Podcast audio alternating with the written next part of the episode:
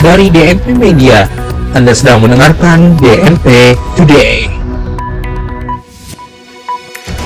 Fokus nama DNP Today 1 Maret, dua jenazah wanita yang tewas di semen di Bekasi ditemukan. Misi medis kedaruratan pemerintah Indonesia hibahkan rumah sakit lapangan ke Turki. Dan pendaftar BBM bersubsidi tembus 5 juta kendaraan didominasi pengguna Pertalite.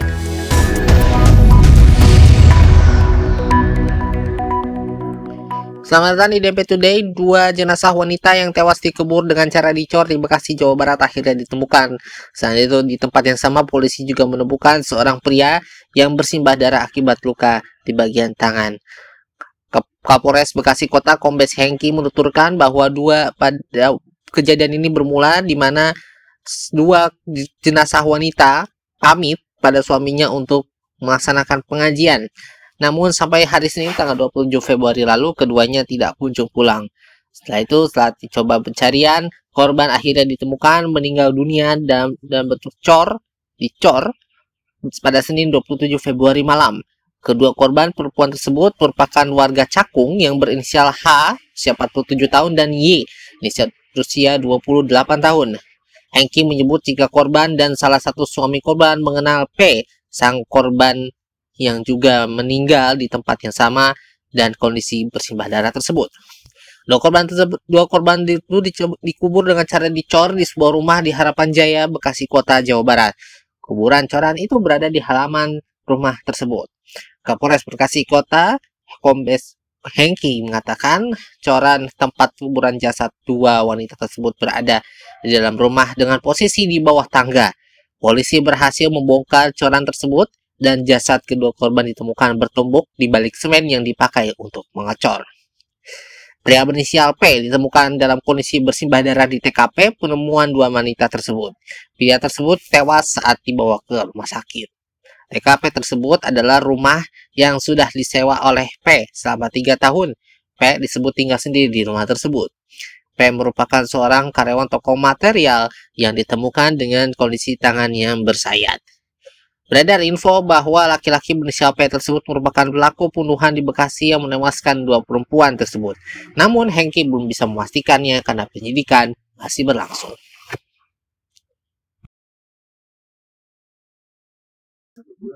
Ke berita selanjutnya di mana pendaftaran subsidi tepat untuk pembelian bahan bakar minyak atau BBM bersubsidi yakni solar dan pertalite diklaim telah tembus lebih dari 5 juta unit kendaraan hingga akhir Februari 2023. Hirto Ginting, Corporate Secretary Pertamina Patraniaga menjelaskan dari lebih 5 juta unit kendaraan yang didaftarkan secara persentase didominasi kendaraan yang menggunakan Pertalite. Secara total untuk kendaraan mesin bensin yang menggunakan Pertalite jumlahnya mencapai 54%, sementara pengguna solar subsidi mencapai 46%. Dari total tersebut, pengguna Pertalite yang mendaftar 80% didominasi oleh pengguna pribadi, sedangkan untuk solar komposisinya cukup seimbang antara pengguna pribadi maupun kendaraan umum. Ucap Irto dan keterangan resmi pada Selasa 28 Februari lalu. Meski belum ada revisi terkait peraturan presiden atau Perpres nomor 191 tahun 2014 yang bakal menjadi acuan untuk pembatasan khususnya Pertalite, namun Pertamina terus melakukan upaya sosialisasi dan edukasi terkait program subsidi tepat. Adapun tujuan dari program tersebut berguna untuk mendata kendaraan yang menggunakan Pertalite dan solar. Melalui pendataan tersebut diharapkan penyaluran BBM subsidi dapat lebih termonitor dan mencegah kecurangan atau penyalahgunaan di lapangan sehingga bisa tersalurkan ke masyarakat yang berhak. Itu mengatakan guna mempermudah dan meningkatkan jumlah pendaftar, pihaknya terus menambah titik put pendaftaran langsung. Bagi masyarakat yang memiliki akses internet dan handphone, prosesnya bisa dilakukan secara online. Selain itu akan dipastikan tidak ada kendala melalui situs subsidi tepat www.mypertamina.id serta menu subsidi tepat di aplikasi My Pertamina. Irto mengingatkan bahwa masyarakat yang merasa berhak mendapatkan BBM subsidi segera mendaftarkan kendaraannya. Ke depan program ini akan disinergikan dengan regulasi penetapan penyaluran BBM subsidi yang ditentukan pemerintah. Langkah ini juga merupakan upaya pemerintah dan Pertamina dalam rangka memastikan subsidi BBM jadi lebih tetap sasaran sebagai bentuk perlindungan kepada masyarakat yang memang berhak menikmati subsidi BBM serta masyarakat rentan yang memang butuh energi dengan harga terjangkau untuk kebutuhannya.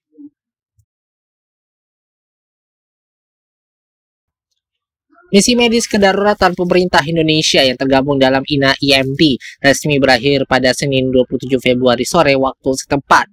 Berakhirnya misi tersebut ditandai dengan penandatanganan berita acara hibah Rumah Sakit Lapangan Indonesia di kota Hasa Hatay dari pemerintah dan rakyat Indonesia kepada pemerintah Turkiye. Prosesi itu dilakukan oleh Duta Besar Republik Indonesia untuk Turkiye lalu Muhammad Iqbal dan perwakilan Kementerian Kesehatan Turki Arif Cetin. Dengan ini, Kementerian Kesehatan Turki selanjutnya akan mengalih ambil alih kelola rumah sakit lapangan tersebut. Pada kesempatan yang sama, Indonesia juga menyerahkan kembali empat kontainer bantuan bahan makanan instan dari Kementerian Pertahanan Republik Indonesia. Menurut keterangan pers, keterangan tertulis yang dirilis oleh KBRI Ankara, Duta Besar Iqbal mengatakan bahwa hampir seluruh rumah sakit permanen di wilayah terdampak gempa sudah diaktifkan kembali namun keberadaan rumah sakit lapangan akan sangat membantu mengurangi beban rumah sakit yang ada. Khususnya di Rumah Sakit Lapangan Indonesia, dalam 10 hari terakhir paling tinggi jumlah pelayanan dibanding dengan rumah sakit lapangan lainnya di Provinsi Hatay. Dia bercerita pemerintah dan masyarakat Turki di Hatay tampak sangat mengapresiasi kehadiran perwakilan dari KBRI Ankara serta pemberian hibah maupun bantuan dari Indonesia. Acara penutupan misi kemanusiaan INA IMT serta penandatanganan hibah rumah sakit lapangan tersebut juga dihadiri oleh Gubernur Yusgat Zia Polat, perwakilan Kementerian Sosial dan Keluarga, Komandan Jandarma Wilayah Hassa, Lurah, serta sejumlah masyarakat sekitar. Rumah sakit lapangan yang dioperasikan oleh INA IMT sebagai respons dalam bantu penanganan gempa Turki yang memiliki sejumlah fasilitas. Ini termasuk 18 tenda pelayanan milik medis milik MDMC Muhammadiyah dan Kementerian Kesehatan, serta 11 tenda pendukung milik BNPB, Polri, dan TNI. Keseluruhan fasilitas tersebut berlokasi di satu komplek di kota Hatsa, Provinsi Hatay, yang menjadi salah satu daerah paling terdampak gempa dahsyat berkekuatan magnitudo 7,8 pada 6 Februari lalu. Rumah sakit lapangan INA IMT memiliki 119 personel dari unsur Kementerian Kesehatan Republik Indonesia, MDNC Muhammadiyah, TNI, Polri, ID, dan asosiasi-asosiasi dokter spesialis. Sejak mulai beroperasi penuh pada 15 Februari 2023, Rumah Sakit Lapangan INA IMT selalu ditangi pasien melebihi kapasitas normalnya yang 150 pasien per hari. Di hari-hari menjelang berakhirnya misi, Rumah Sakit Lapangan INA IMT bahkan masih melayani sampai dengan 400 pasien hingga pukul 12 malam hari. Dengan berakhirnya misi medis kedaruratan ini sekarang tinggal dua misi kemanusiaan dilakukan pemerintah Indonesia di Turki yang berkaitan dengan penanganan gempa.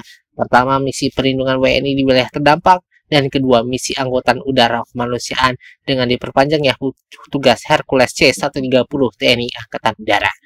Pesawat serta seluruh awaknya disebut masih akan ikut membantu angkutan logistik kemanusiaan ke wilayah terdampak hingga pertengahan Maret 2023.